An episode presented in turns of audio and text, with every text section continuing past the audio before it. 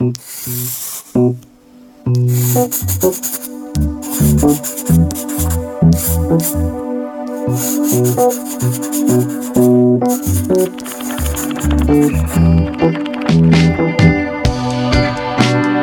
harte welkom bij de Potloodcast. Ik ben Jelly Brouwer en in deze podcast duik ik elke maand in het leven en het brein van een illustrator. Dat doen we aan de hand van vijf beelden die de illustrator zelf heeft uitgekozen. Wie is de persoon achter deze beelden? Een portret in geluid dus van iemand die in beelden denkt. En vandaag is dat Iris van Wees, een paar jaar geleden uitgeroepen tot het ontwerptalent van de toekomst. Ze studeerde in 2019 glorieus af aan het Amsterdam Fashion Institute, AMFI, met een 3D-collectie. En daarna stroomden de opdrachten binnen, maar inmiddels heeft ze ook haar twijfels over virtueel ontwerpen.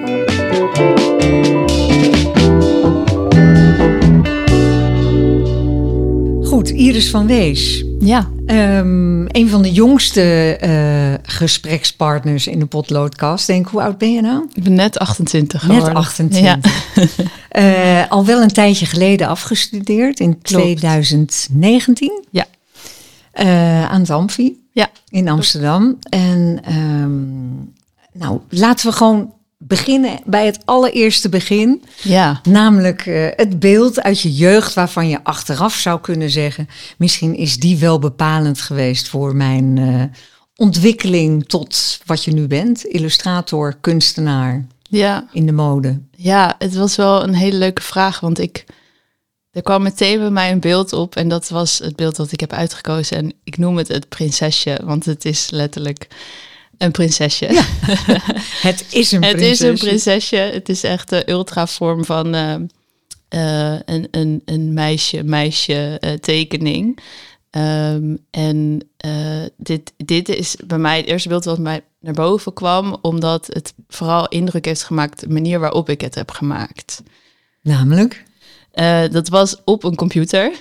dus mijn vader die um, die is grafisch vormgever. En er was altijd een computer in huis waar ook grafische programma's op stonden, zoals Photoshop of Illustrator. En dat was toen de tijd echt wel nog vrij nieuw.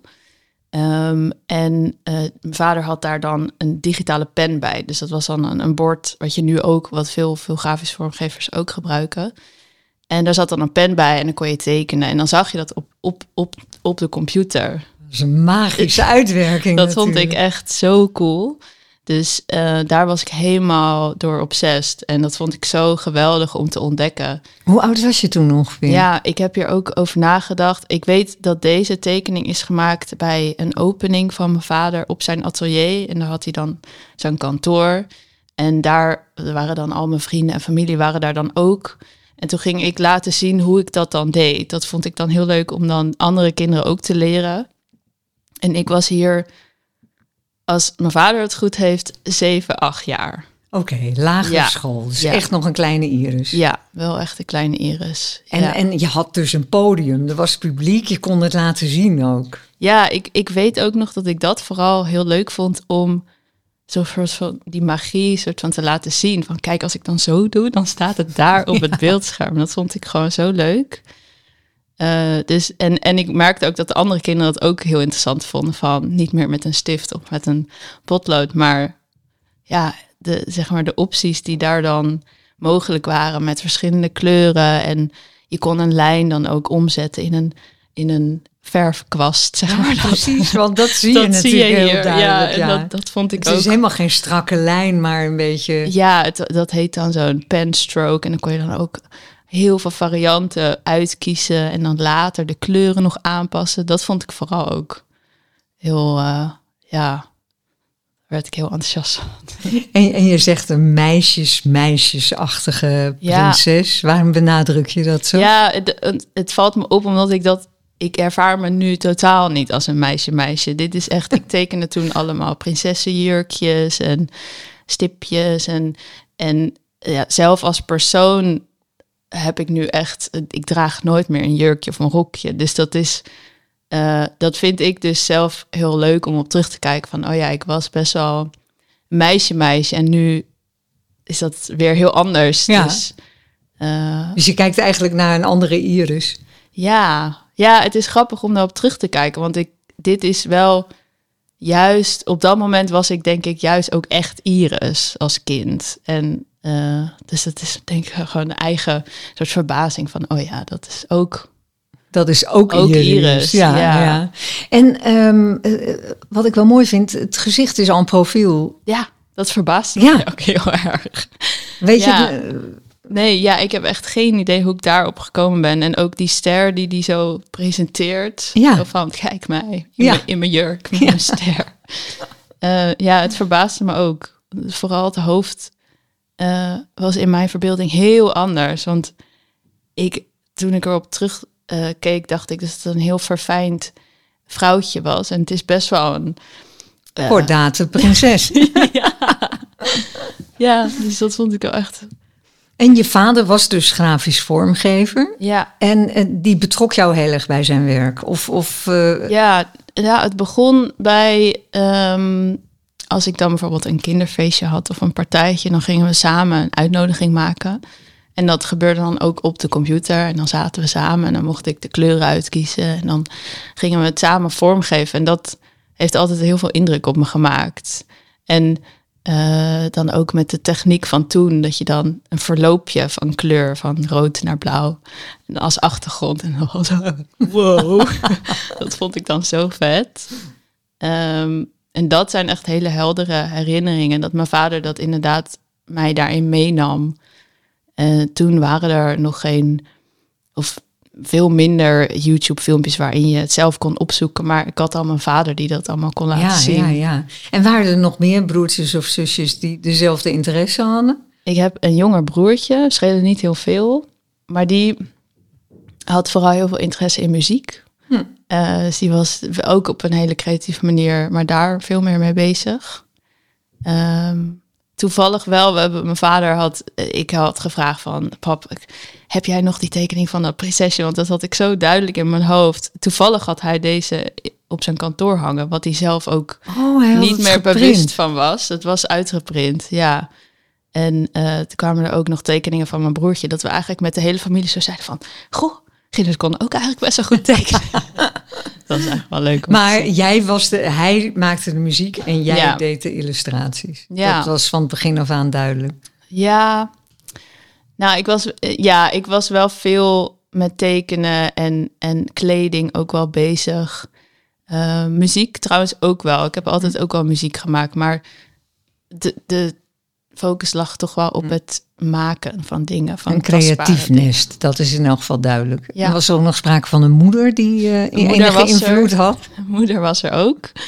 We worden altijd een beetje grapjes gemaakt dat zij de wat minder creatieve was. Maar ik heb ook echt wel hele, een hele heldere herinnering dat papa er toen niet was. En toen moesten we, of toen moesten we, toen wilden we een, een uitnodiging maken voor iets.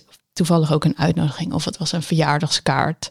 En dat mijn moeder Mickey Mouse had getekend, dat ik echt dacht, wauw. Ze kan Ik kan ook heel goed Mickey Mouse zingen. dus het werd in ieder geval van alle kanten ja, gesteund. En Ja, ja, ja.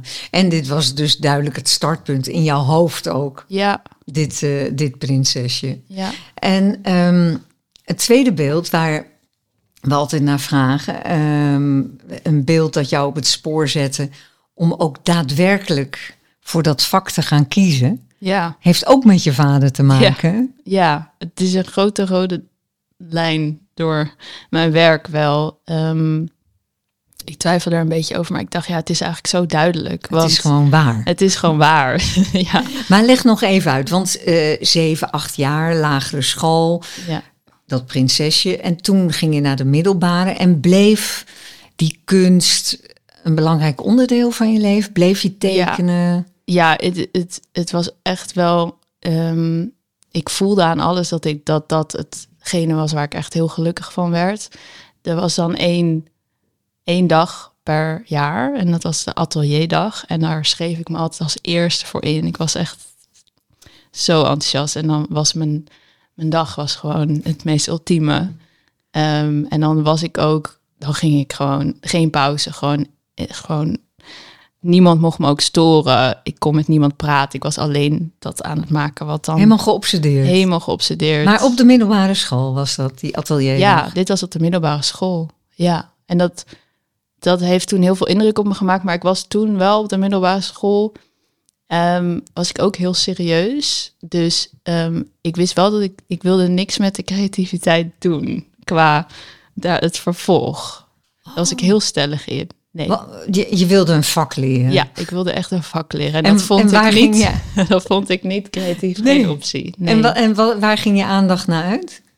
Ja, ehm, het is echt een heel eh, eh, grappig wel verhaal. Maar eh, mijn, ja, mijn, tan- mijn, mijn oom was tandarts.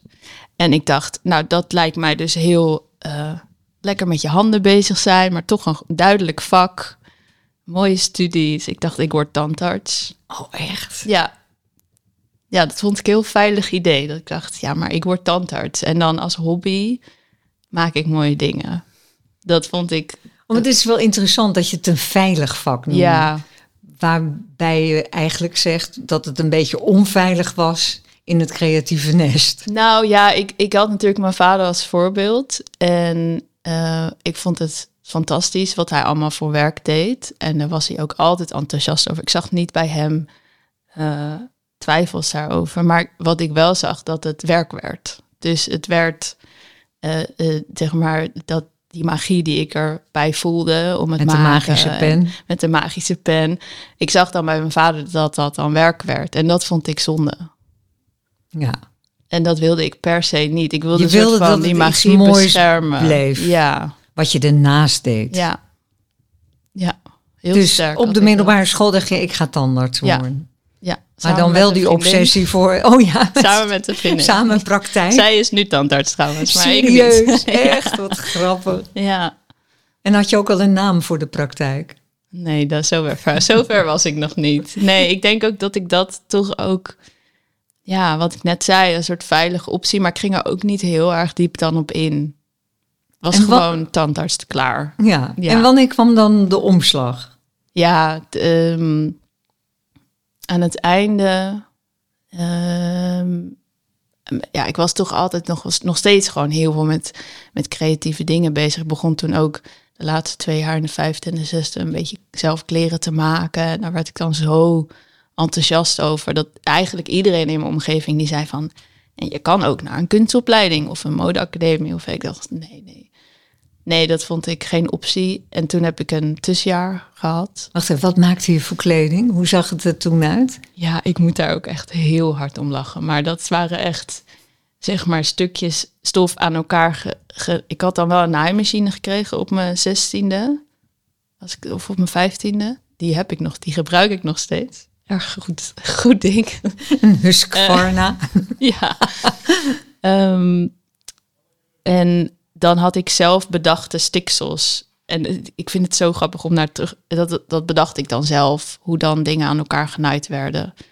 Eh, ja. En het, het zag er niet uit. Maar ik vond het gewoon fantastisch. Omdat en je dan... trok het ook wel aan. Nee, ik droeg het niet. Nee, ik had dan wel een soort besef van... Oké, dit is een hele leuke poging. En het was heel fijn om te maken. Maar om het te presenteren, dat was nog, nog een stap te ver. Ik was vrij kritisch al wel vanaf het begin. Hm. Dat was een soort eigen ontwikkeling. Ja, ja. En, en eh, uiteindelijk kwam daar toch het besluit om voor een academie te kiezen. Ja, ja ik zat toen in Australië. Tussenjaar. Eh, tussenjaar, alle rust, alle vrijheid ineens. En toen kwam het besef van... Nou, trouwens, één side note. Ik was niet ingelood voor tandheelkunde, dus dat hielp ook Oh. wel. Als ik was ingelood, was ik het misschien gewoon gaan doen. Ik weet niet of ik het had volgehouden, maar goed. Toen was ik uitgeloot tussenjaar. Ehm, toen heb ik me ook ondertussen nog ingeschreven voor bouwkunde, want ik dacht dat is nog iets creatiever, maar toch nog een vak. En toen kwam het besef van nee, ik, ik wil echt heel graag iets met kleding doen. Ehm, eh, en toen was ik te laat om me in te schrijven voor het Amfi, want dat kende ik al wel. Eh, en dan was ik wel ook naar een open dag geweest, maar dat vond ik reuze spannend. Dat vond ik echt, ik vond dat echt een wereld dat ik dacht, oeh, dat durf ik eigenlijk niet. nee? nee, want ik was wa- nog wat heel- zag je dan? Ik zag vooral heel veel grote ego's en gemene meisjes. Ja, gemene meisje. ja. Dat daar hing echt een heel groot beeld boven Dit voor vind ik mij. een goede titel voor een boek. Gemene meisjes. ja, dat voelde echt heel sterk. Ja, en ik eh, ik moet ook zeggen dat daar kwam ook dan dat kritische naar voren. Dat ik ook wel, ik voelde me denk ik daar ook nog te jong voor. Denk ik. Want dat Om was je natuurlijk ook nog ja, wel. Ja, ja, ik was net 19. Eh, en toen ben ik op tussenjaar en toen heb ik letterlijk gegoogeld alternatief amfi. Toen kwam er een opleiding in Enschede naar boven. En daar heb ik me voor aangemeld. En dat was een textielopleiding. Dat heb ik één jaar gedaan. En binnen dat jaar heb ik een soort van zelfvertrouwen opgebouwd. Van ik ga naar het amfi. Ik ga naar het amfi. Oh ja? En toen, toen heb ik me aangemeld voor het amfi. Dat was het begin van het einde. Ja, want toen ging je als een speer Ja toch toen, eigenlijk? ja, toen ging het hard. En waar zat hem dat in? Wat maakte jou tot een uitzonderlijke student? Ehm, heel veel eh, zelfreflectie en eigen soort van eh, ja, eigen sturing. Ik vond het, ik voelde me daar zo op mijn plek. Dus ik, eh, ja, ik vond het gewoon fantastisch om aan al die opdrachten te werken. En ik snapte ook precies waarvoor we dat dan leerden. En ik, ik wilde alleen maar meer leren. En ik vond dat fantastisch. Ja. Waarbij misschien, want ik heb nu nog steeds het beeld van dat meisje dat tandheelkunde wilde gaan doen.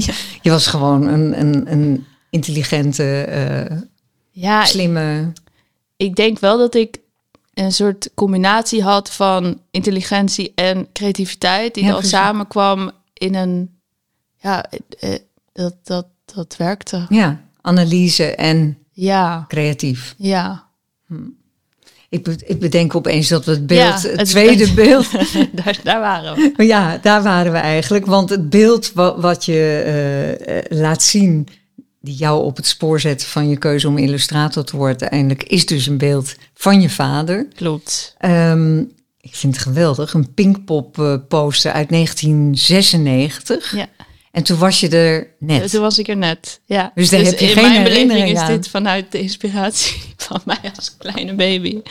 Maar wa- deed hij de, de posters voor Ja. Pinkpop? Want dat is, dat is een waanzinnige klus, toch? Ja, ja, ja, dat heeft hij. Hij is nu het. eh, twee jaar geleden was het laatste, laatste jaar dat hij heeft Ja. gedaan. Dus hij heeft het. Ik heb het niet opgezocht, maar ruim 46 jaar gedaan. Wauw. Ja. Dus ik ben echt opgeleefd. eh, Of opgegroeid. Ja. Ook opgeleefd, maar ook opgegroeid met Pinkpop. Ja, Dus je hebt Mr. Pinkpop, Smeets, maar er is nog een Mr. Ja. Pinkpop, de grafisch vormgever. ja, ja. Want is dat beeld van het meisje, is Nee, dat het, van het, hem? Het, het meisje heeft helaas net iemand anders gemaakt, maar maar de hele sfeer, dit Ja. is Pinkpop. ja, ja. Ja, te gek. En ehm, was jij daar al die jaren op de een of andere manier ook bij betrokken? Of was dat echt het hoogtepunt van het jaar, dat Ja. een nieuwe poster er moest komen? Nou, het, eh, ehm, eigenlijk Pinkpop speelde dan het hele jaar door, want mijn vader was daar het hele jaar eigenlijk mee bezig om dan een concept te bedenken en dan de poster te maken. En dan gingen we ook als gezin altijd daarheen. Dus het was echt wel een familieuitje, traditie, eh, om daar dan naartoe te gaan. Als, als echt heel klein eh, bleven wij dan wel thuis. Of we gingen wel eh, naar Landgraaf, maar dan bleven wij in een hotel. Ja, ja. En dan gingen we op de tv. eh, dan zei mijn vader, ja, ik draag een roze hoedje. En dan mochten we zoeken, maar iedereen had dan een roze hoedje. Dat was een, een grap van mijn vader. maar ja, daar hangen wel heel veel herinneringen aan. ja. Ja. En ehm, was dit ook een. eh, had het ook iets beladens? Van, oh, als het nou maar weer lukt? Of, eh, of was het echt alleen maar leuk? ja, nee, ik heb ook wel meegekregen dat, dat het op een gegeven moment een, een struggle werd om elke keer maar weer een nieuw concept Ja. te bedenken. En elke keer weer een poster klaar te hebben. Ja, want daar doelde je net ook op dat het dan echt werk wordt. Zeker, ja. En dan wordt het toch een ja, geforceerde creativiteit. Zo, zo ervaarde ik dat wel, wat ik dan bij mijn vader zag. Ja. En was het misschien ook om die reden dat je dacht, ik ga mij op kleding richten? Ja, Dat is toch anders? ja, nee, inderdaad. Ik denk dat kleding voor mij dan iets meer een functie had. En daarmee meer ehm, eh, effect zou hebben. Of, of, of eh, ja, letterlijk de functie. Dus het had een, het, het had een functie. Ja. Ja, en dan vond ik als je een poster maakt, dan vond ik daarvan de functie niet overtuigend genoeg. Oké, dus Toen. het zat een beetje toen. Toen. Het zat een beetje tussen tandheelkunde en, eh, Ja, ja, en vormgeving in, grafische vormgeving. Ja, ik, ik, ja. Ja. En eh, ehm, was het van begin af aan dan ook kleding op, op het amfi? Of werd het al snel toch ook iets, iets anders? ja, ik merkte wel dat ik kleding heel interessant vond en een fijn kader om binnen te werken. Mhm. Maar ehm, ja, de opbouw van vorm en kleurgebruik en het, eigenlijk het visuele beeld wat je dan als laatste creëert door er een foto van te maken, dat vond ik eigenlijk het, eh, ja, het leukste gedeelte. Of het, het gedeelte wat ik ook het belangrijkst vond. Dus hoe het allemaal samenkwam en hoe het er dan uiteindelijk als plaatje Uitziet. uitzag. En dan nadrukkelijk als plaatje. ja. Niet per se dat je het aan had of iemand anders Nee, gek had. genoeg niet. Dat is raar. Ja, ja. En dat heb ik ook, dat vind ik zelf ook nog elke keer. Dat ik denk, hè? Ik draag ook heel weinig kleding die ik zelf heb gemaakt. Je hebt nu wel een waanzinnige wel een sjaal, sjaal om. om, maar dat vind ik dan, dit is dan zeg maar het, het oh, vind ik vooral leuk als het dan helemaal plat ligt als plaatje. Ja, Nou, je mag het straks best even plat Ik- leggen la- als ik plaatje. Maken we daar een foto van, ja. Maar ik vind het zo ook waanzinnig mooi staan. dankjewel. En die blouse is duidelijk niet van jou. Nee, die niet. Nee, Nee. dat zie ik zo. maar, ehm, dus dat plaatje dat intrigeerde jou. Kon je inmiddels wel een beetje naaien? Want wat je net omschreef van dat je dan gewoon een beetje... Ja, juist aan het begin vond ik dat naaien, dat, dat was ook tot imperfectie, vond ik Oh, dat ja? fantastisch. Maar dat is ook heel erg de eerste twee jaar. En aan het einde is dat weer totaal omgeslagen. Dat ik, ik denk dat ik misschien aan het begin ook het nog niet helemaal door had dat ik, nou, hoe ik dat nu noem, het plaatje zo belangrijk vond. Mhm. Dat ik me heel erg eh focuste op de techniek en op de constructie. En, en dat naarmate mijn handschrift wat duidelijker werd en dat dat belangrijker werd dan, joh, mijn eind, eindcollectie, constructie, dat, eh, dat bespreek ik liever niet. dat had echt helemaal geen aandacht meer voor mij. Nee? Nee. Dat maakte me echt heel weinig uit. Het Ja. ging om dat plaatje. Ja, en ook wel, het- het wordt nu wel heel, ehm, het plaatje, ik vond ook de boodschap extreem belangrijk, zeker in het laatste jaar, rondom duurzaamheid. En het was dus eigenlijk dat, maar als ik mijn werk qua handschrift en qua ontwikkeling bekijk, dan is het heel visueel ingesteld. Ja, Laten we naar het plaatje toe gaan. ja het plaatje. Dat, dat is uit, volgens mij, ja, dat is toch uit je Dit is mijn ja, precies. Eh, nou, ik zie jouw sjaal. Ik bedoel, over handtekening Ja. gesproken. Dit is het. Kun je het beschrijven voor de mensen die alleen maar eh, luisteren en het beeld pas Ja. veel later zien? Ja, zeker. Ehm, er zijn twee afbeeldingen. En de ene is een digitaal beeld en de ander is een foto van een fysiek kledingstuk. En ehm, ehm, ja, de digitale versie, daar begint het eigenlijk helemaal, daar begon het mee. Daar begint het nog steeds mee. Eh, dat is eh, eh, een, een samenstelling van eigenlijk allemaal grafische prikkels en vormen en kleurcombinaties die in elkaar overlopen. En een, een checkerboard die door een andere vorm heen geconstrueerd wordt. Ehm, er is eigenlijk heel veel te zien. Ja, het is heel levendig. Ja, En eh, nou, die Pinkpop poster op de een of andere manier zie je die heel erg ja, dat vind ik ook ver wel- weg. Ja, ik vind het wel grappig, want ik denk dat ik vooral dat grafische of de, ja, de voorkeur voor strakke vormen Mhm. toch wel heel erg nou, niet heb overgenomen, maar dat is gewoon Daar ben je op voort gaan borduren. ja, het als is het heel fijn om mee te werken. En ik zie trouwens ook wel het testbeeld van de televisie van, Ja. van vroeger? Ja, dat, dat, dat, dat Was toch ik vroeger? ook vaker. Ja, Ja. Dat, ja, dat was wel vroeger. Ja, maar Ja. ik ken het wel. Ja, want dat heb jij waarschijnlijk niet gezien, maar Ja, eh, het was iets oudere mensen wel. ergens een thema in dit eh, concept. Het ging over alle beeldschermen die werden overgenomen door een bepaalde boodschap. Dus het komt er wel in de buurt dat eigenlijk alle schermen op een soort errorscherm terecht zouden Ja, komen. ja. Want dat was wat jou bezig hield, zeg je, vooral in het laatste jaar. ja, De duurzaamheid en wat de toekomst brengen mogen. ja. Angst. Ja, ja, eh, zeker. Ik ben wel echt het laatste jaar. Ja, het is wel grappig dat je angst noemt, maar dat is denk ik best wel een, een drijfveer geweest. Drijfveer, ja. Leg dat eens uit, wat gebeurde? Ehm, ik voelde me op een gegeven moment heel onprettig binnen de modewereld, omdat het echt een hele destructieve wereld is die eh, qua duurzaamheid in ieder geval heel veel, heel veel eh, verkeerde processen in het hele systeem heeft. En eh, ik voelde me daar heel verantwoordelijk voor als jong eh student. Aanstormend talent. Ja, ik, voelde, ik vond dat echt heel belangrijk. Het werd ook wel op het amfi heel erg onderstreept op een gegeven moment. Ik voelde me er echt op aangesproken. Dus ik had echt de behoefte om dat op te lossen. Wat natuurlijk een heel groot, grote druk Ja, eh, met zich meebracht. Maar dat heeft me wel zo gemotiveerd om dus uiteindelijk eh, ja, die collectie eh, te creëren. ja.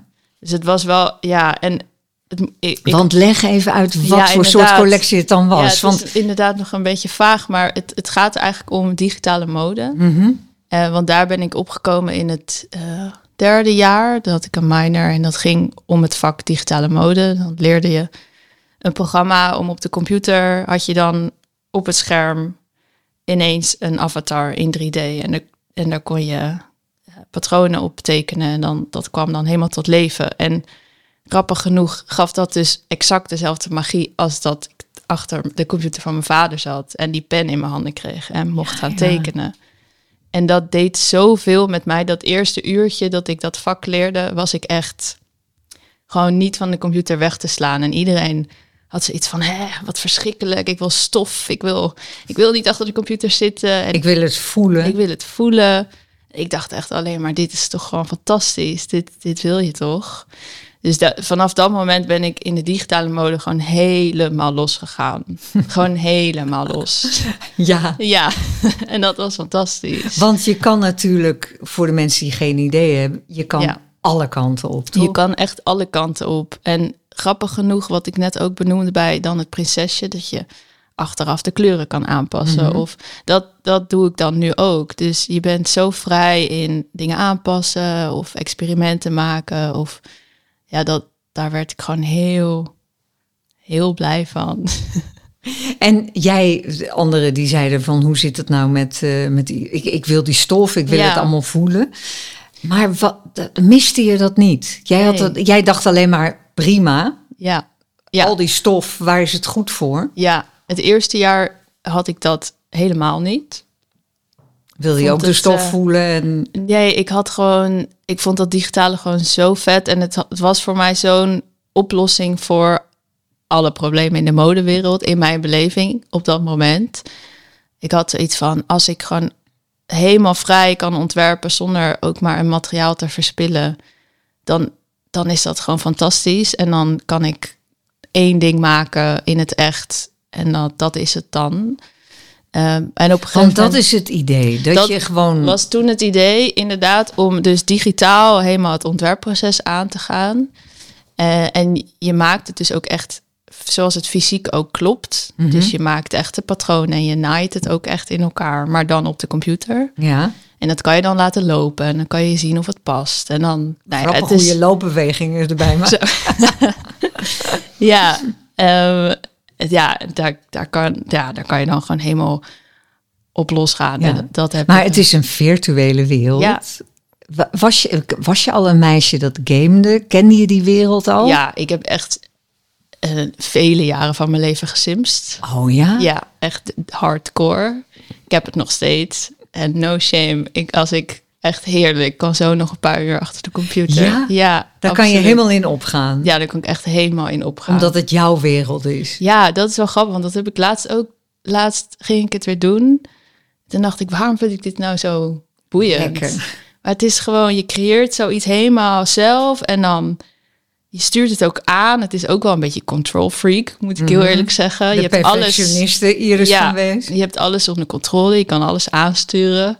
Dat, ja, het zegt best wel veel. Geen gemene meisjes. Geen gemene meisjes, nee. En dat is ook wel grappig, want een vriendinnetje van mij, die doet het ook soms. En die zegt dan, ja, en dan ga ik met iedereen ruzie laten maken. En ik zo, oh, dat heb ik nog nooit gedaan.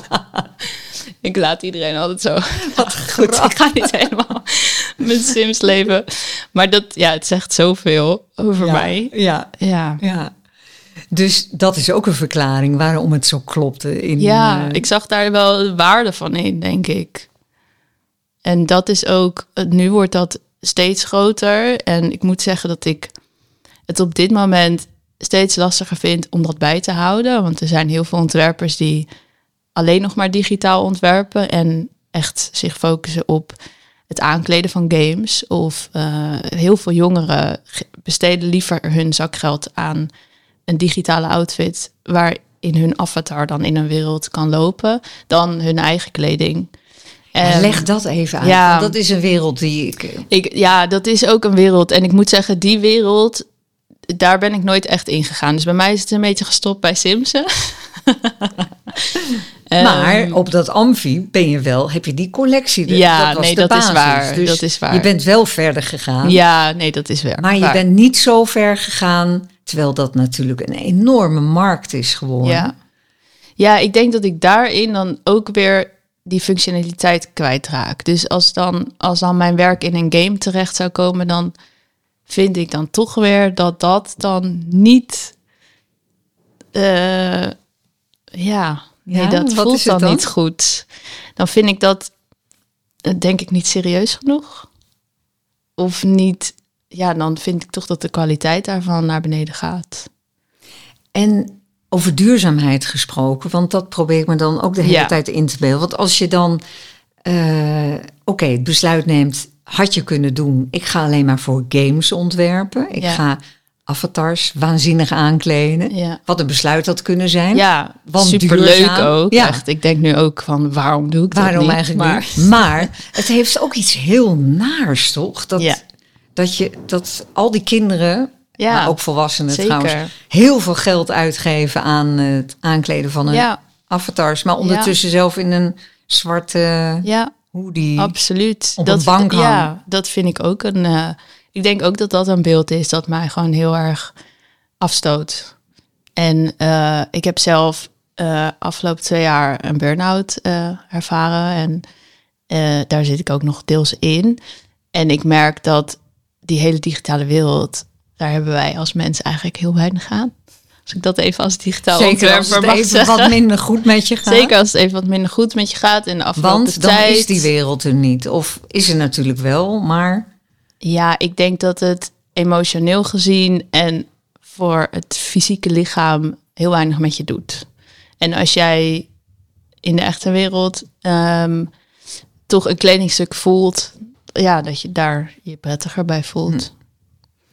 Maar wacht even, want nu Dit is gaan we een heel keerpunt, snel. Ja, ja. ik begrijp het. Want wat gebeurde? Jij had die academie waanzinnig afgesloten. Je werd het talent van, eh, ik weet niet wat allemaal. Ja, dat Prijzen. was he- heel extreem. Dat Ja. voelde ook extreem. Leg wat gebeurde er?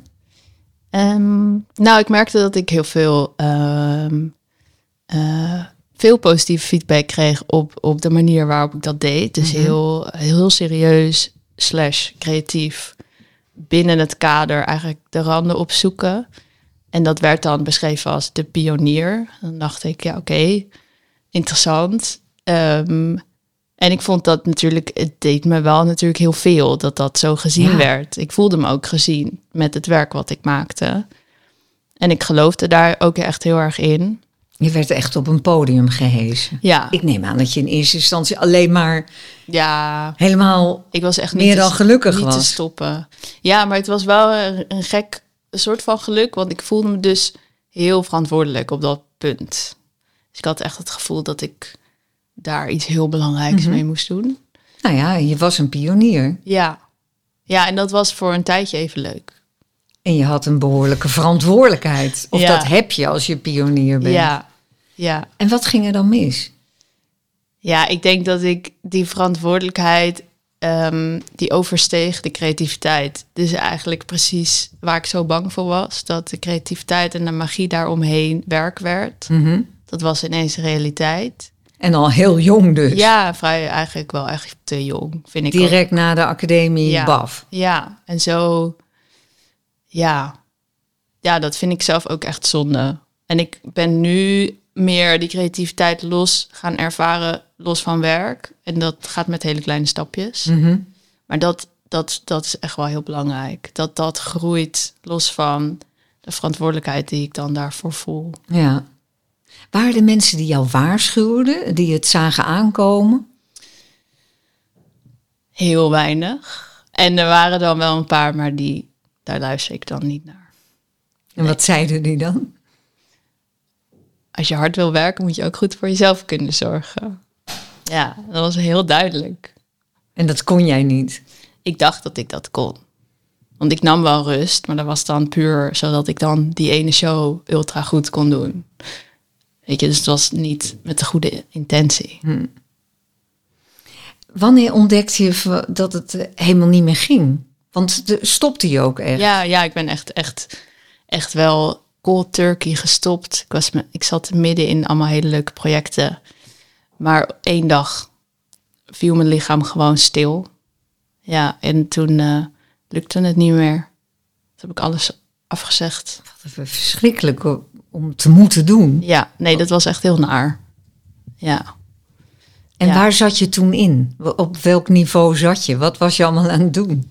Niks. Of je bedoelt Nou net ja, die daarvoor. opdrachten. Je zegt, ik, ik, ik, ik had allemaal... Ja, ik was toen net genomineerd voor de Dutch Design Awards. En daar moest ik een filmpje voor maken. En da- precies op dat moment eh, ging het fout. Ja. En hoe heb je dat toen opgelost? Of Ja, eh, heel veel zoeken. Ik wist het ook niet. Ik was totaal de weg kwijt. En ik heb gewoon, ik heb ruim, eh, ruim een jaar echt rust genomen. En hoe ik dat dan moest doen, dat wist ik ook niet. Dus dat duurde ook heel lang. wanneer ben je weer gaan schetsen of simsen? Of... ja. ja, het is wel eh, interessant, want ik had ook echt het eerste jaar daar ook echt een afkeer tegen. Want dat was dus zo verbonden, zeg maar, dat fijne gevoel van dingen maken was zo verbonden met presteren, dat ik dat ook echt niet het eerste jaar heb gedaan. Dus pas na een jaar ben ik weer gewoon gaan tekenen omdat ik dat fijn vond. Je Ja. kon het helemaal niet meer loszien van Nee. eh, Nee, je missie en eh, het goed doen. Ja, dat zat zo vast. Jee. En dat is nog steeds, vind ik dat moeilijk. Om zomaar te Om tekenen. zomaar te tekenen of lekker even iets te maken. Dat, is, dat ben ik nu echt aan het oefenen. Hoe kan dat? Heb je daar een verklaring voor? Ik denk dat ik gewoon heel... ehm, ik kan me heel goed op één ding focussen. En dat is voor een hele lange tijd mijn studie slash werk geweest. En me daar dan ook helemaal in overgeven. En dat heeft ook iets heel moois.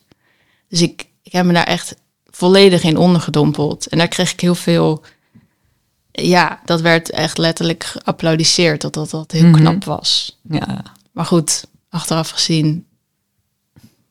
Dus het is en heel mooi, maar het is ook gevaarlijk. Ja, Om zo op te gaan, geobsedeerd ja, te zijn door eh, je liefde voor dat vak. ja zeker. En we vragen altijd ook naar een, eh, een autonoom beeld, Ja, wat dus helemaal uit jou komt. ja, En ehm, ja, je zei net hoe ingewikkeld je het ging vinden en nog steeds vindt om eh, gewoon voor je plezier iets te maken. Dit heet Stapel. ja. Wanneer heb je dit gemaakt? Dit is, eh, ik denk, iets minder dan een jaar geleden. Zat Dit- je er middenin dus? Ja, dit was echt wel een, moment dat ik... eh, ehm, ging creëren voor mezelf. Dus los van een opdracht of los van mode ook. Dat had ik heel erg behoefte aan om weg van die hele wereld te gaan. En puur te kijken van wat vind ik nou zo leuk aan dit programma ook waar ik mee werk. Dat digitale programma. En dit is dan ook een combinatie met het proces waar ik in zat. Dus ik heel erg op zoek naar wat mijn, wat mijn kernwaarden zijn. En in combinatie met mijn liefde voor materiaal en kleur is deze, ja, deze stapel eruit gekomen. Ja, deze stapel. Ja. Wat, wat zien we? Ja, het is, een, het is in mijn ogen een soort, soort ook een soort totempaal of een stapel van opgeblazen vormen die eigenlijk net een soort stabiliteit hebben bereikt, maar ook een soort kracht uitstralen. Eh, en heel veel verschillende materialen die ook aaibaar zijn, maar ook weer heel. Er zit ook rubber in met stekels en eh, ja, de, zo die, die contrasten opzoeken, dat, dat, ja, daar, daar, daar voel ik me dan helemaal lekker bij. Dit is helemaal het beeld zoals je het hebben, zou willen Ja. hebben. ja, Voor jezelf ook. ja, Van net in evenwicht. precies. Ja, wel een beetje zo de, spanning opzoeken, maar ehm, toch ook die rust vinden. En wel het, uitgesproken iris eh, kleurgebruik. Ja, ik voel me bij dit beeld gewoon heel erg mezelf. Ja, zonder druk of angst of, of, of, of eh, verantwoordelijkheden. Want het, in mijn beleving is dit dan ook weer gewoon een plaatje waar ik dus jarenlang heel veel afkeer tegen heb gehad. Maar nu steeds meer de behoefte krijg om juist simpel naar eh, dat, dat beeld te kijken. ja, want dat is dus eigenlijk wat jou dwars zit. Dat je vindt dat alles een functie Ja, moet hebben. ja, absoluut. Ja, en dat is echt heel veel lastig. Ja. als maker. Want het zou zo fijn zijn als eh, de functie van eh, een beeld heeft natuurlijk ook heel veel functie. ja. ja absoluut. En Waarom zou dat niet genoeg zijn? Ja. Sterker nog, Ja, en dat begin ik nu wel steeds meer ehm, ook in te zien en te omarmen. En ik voel daarin veel meer de kracht of, of dat ik die richting op wil. Eh, niet dat ik mode helemaal los wil laten, maar ehm, ja, dit, dit trekt me. Ik denk dat dit meer dichter bij mij staat. hm. al was het alleen maar omdat dit eigenlijk het ultieme zelfportret is. Ja, ik noem het soms ook het zelfportret. Ja, absoluut. De stapel van Iris van Wees. Ja, Maar ik kan me ook voorstellen dat die mode toch nog ergens op de achtergrond aanwezig blijft. ja zeker. En, ehm, want je zei net ook, ja, ik vraag me ook wel eens af, waarom zou ik dat niet gewoon lekker een beetje game aan, een leuke avatar aankleden? Met jouw stijl en Ja. jouw handtekening. Ja, Een eigen game ontwikkelen. ja dat is ook Waar eigenlijk andere mensen zich weer helemaal goed in kunnen voelen. Dat ze even kunnen Iris van Wezen in plaats van Simpson. Ja, ja ik, heb er ook, ik heb ook stiekem wel een keer opgezocht hoe je... Je kan namelijk je eigen Sims kleding maken. Zie je dus- wel, ik wist het. En dat kan ik ook.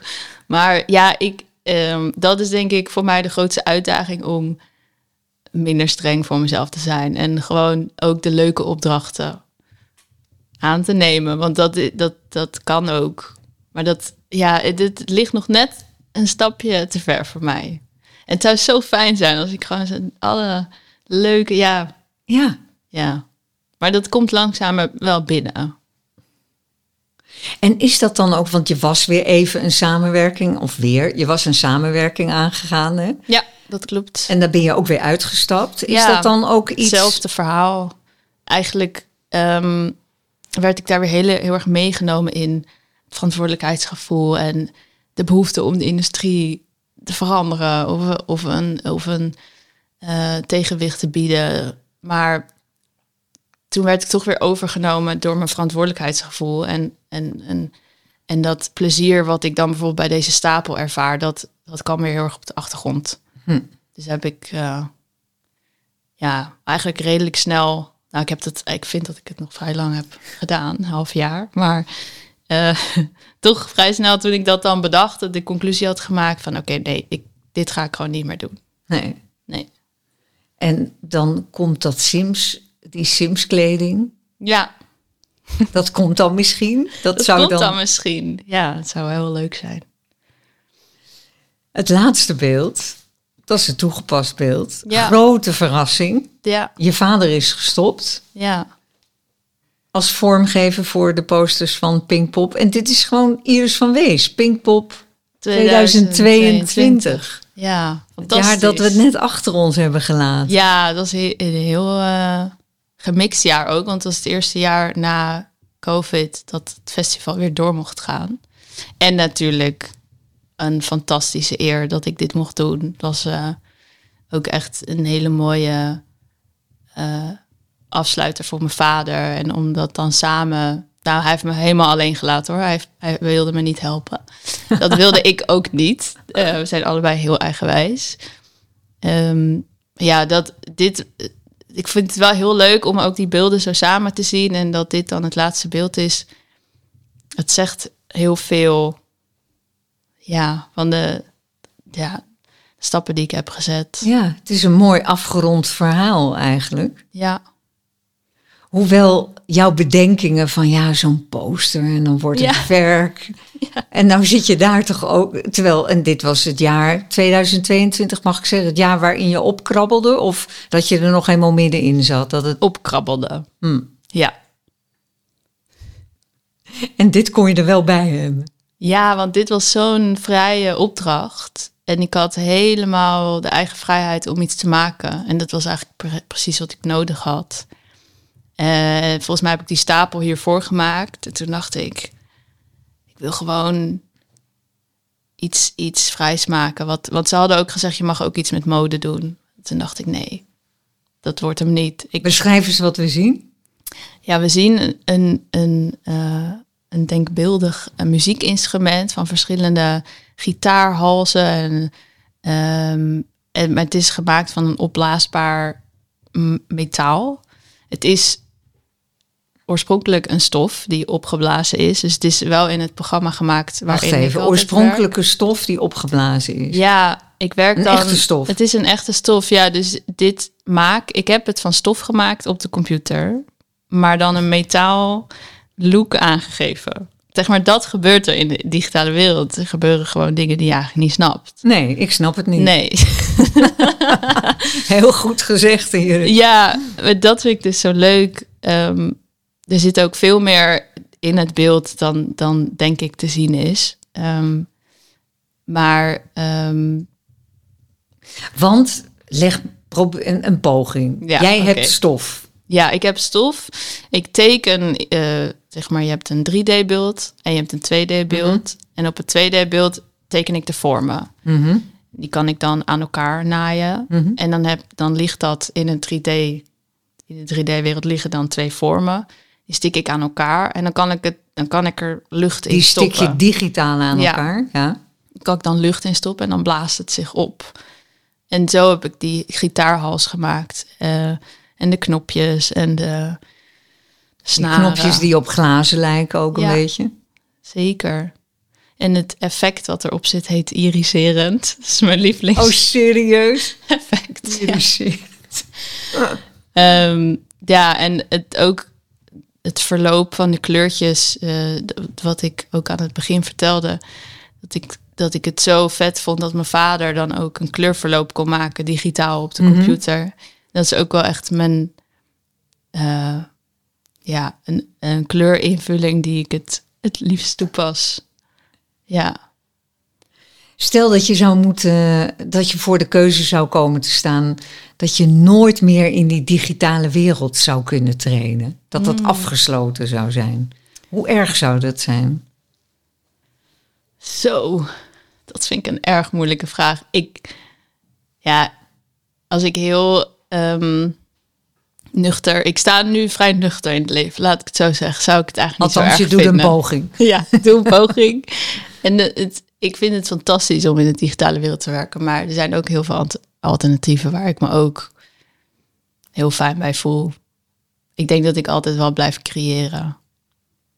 En in welke wereld voel je het meest veilig? De digitale wereld. Ja, Ja. serieus. Maar wel, het ligt er dan aan. Ligt er aan welke digitale wereld.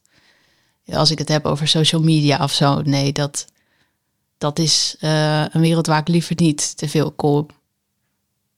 Nee? Nee, dat geeft toch ook weer een bepaalde druk mee. En een eh, bepaalde verwachting of... eh, Terwijl je die natuurlijk wel heel erg nodig hebt Ja. als digitaal ontwerper, toch? Zeker, en ik gebruik het ook gewoon. En het is niet zo dat ik daar een afkeer tegen heb. Ik zie dat echt als mijn werkcommunicatiemiddel. Mhm. Ehm, Maar als je direct heel stellig zegt, de digitale wereld, daar voel ik me veiliger. Waar Ja. denk je dan aan? oh god. Ehm, ja, ik denk toch die controle die ik daar dan heb. En ik vind dan de echte wereld, denk ik, wat eh, onvoorspelbaar. Daar heb ik moeite mee. Ja. Ja. ja, zoals wij hier zitten is natuurlijk heel onvoorspelbaar. Heel onvoorspelbaar. Ja. Je hebt er totaal geen controle Nee. over, Iris. totaal niet. Nee, maar Wat is het eerste wat je nu gaat doen? Ik bedoel, is er, je, je zei, ik krabbel op, ik ben weer aan het werk. Heb je een gerichte opdracht of iets in je hoofd wat je heel graag wilt gaan doen? Ja, ik moet zeggen, er fladdert echt elke dag weer een ander idee door mijn hoofd heen. Dat is een goed teken. Dat is een goed teken. Ik ben, ik, ik ben ook wel echt bezig met wat, graag, wat ik graag zou willen doen. Namelijk, Ja, ik heb daar eigenlijk nog geen antwoord op.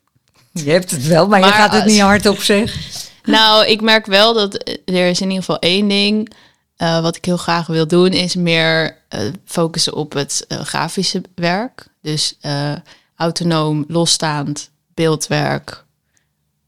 En me daar helemaal in loslaten zonder me schuldig te voelen dat het geen functie heeft. Ja, nog meer stapels maakt. Nog meer stapels Ja. maken. Ik zou het fantastisch vinden om een hele serie stapels te maken. En dat dan gewoon helemaal zo, ja, dat is het.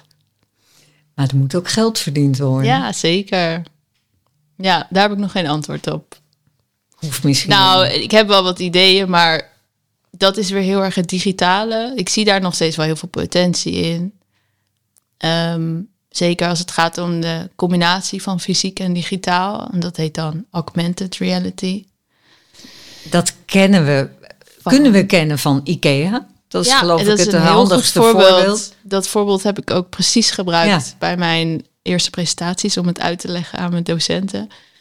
Eh, dat is inderdaad wat het is. Dus je gebruikt je mobiel in de ruimte waar je bent en dan plaats je een digitaal voorwerp. En dat vind ik heel boeiend. Want Dus je dan- kan kijken of een IKEA-stoel die je graag wilde hebben wel past in jouw interieur. Ja.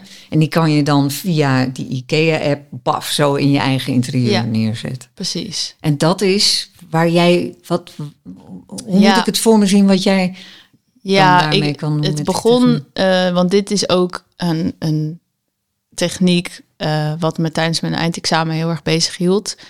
En dat begon toen om digitale outfits dus te plaatsen. Dus in plaats van dat je een stoel in de kamer zet, heb je een hele grote jurk in je kamer staan waar je omheen kan lopen en alles van detail in detail kan bekijken. En kun je die ook aantrekken dan? Nee, dat is en dat is, Dat is een- jammer. Ja, en dat is heel jammer. En dat is een vraag die ik altijd krijg. En dat was dan altijd een hele teleurstelling. Want dan dacht ik, ja, natuurlijk willen ze dat aantrekken. Maar de techniek was daar toen echt nog niet zo ver. En het afgelopen jaar, zeker tijdens corona, is er een hele grote eh, verandering eh, in gekomen. En nu zijn er best wel veel technieken dat je wel de kleding kan dragen.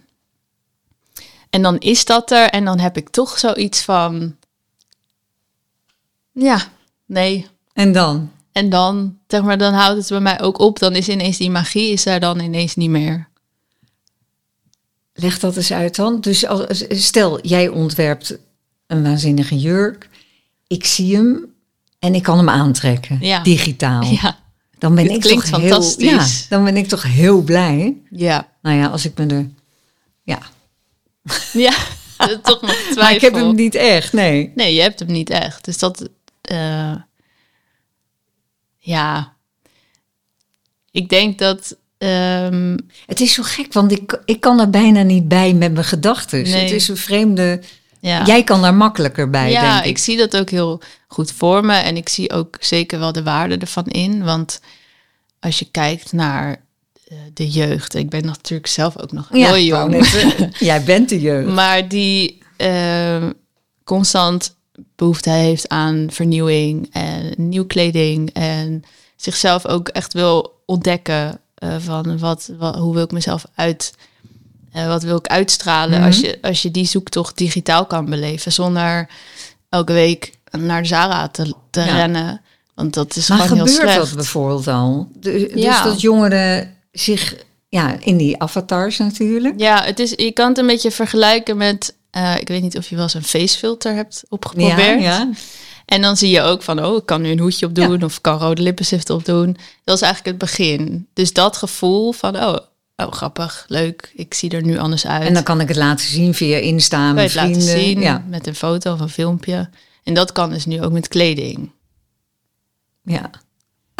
Dus de, en, dat, ja, en dat is het dan ook. Zeg maar, ja, punt. Dat is het. Ja. ja en daar heb, en ik, daar heb jij dan toch ook weer je bedenkingen bij. Ja. ja. Terwijl het is natuurlijk fantastisch als je dat kan aanbieden. En daar heb ik ook heel veel respect voor. voor en iedereen die dat wel vrolijk mee kan maken. Ja. Maar het gaat voor jou niet ver genoeg. Nee, nee, nee. Nou, ik ben heel benieuwd, Iris, hoe jouw leven zich gaat ontwikkelen. Hoe jij je gaat ontwikkelen. Of het uh, meer stapels worden of toch een digitale kledinglijn van Iris van Wees voor Sims bijvoorbeeld. Het zou wel heel leuk zijn. Ja, het zou echt wel heel leuk zijn. Dankjewel. Dankjewel. Jij ook bedankt. Je hoorde Iris van Wees. Op de site van de Illustratieambassade zijn de besproken beelden te bekijken en dus ook de illustratie die ze heeft achtergelaten in het grote potloodkast schetsboek. De potloodkast is een initiatief van de Illustratieambassade, het platform voor illustratie. En wordt mogelijk gemaakt door steun van de Fiep Westendorp Foundation, Pictorite en het Stimuleringsfonds voor de creatieve industrie. Als je enthousiast bent, laat het dan weten in je podcast-app of vertel het door aan anderen. Presentatie Jelly Brouwer, redactie en samenstelling Marlies Visser, techniek Maarten Boers. Je kunt je inschrijven voor de nieuwsbrief of abonneer je op de podcast en we laten je weten wanneer er nieuwe afleveringen zijn.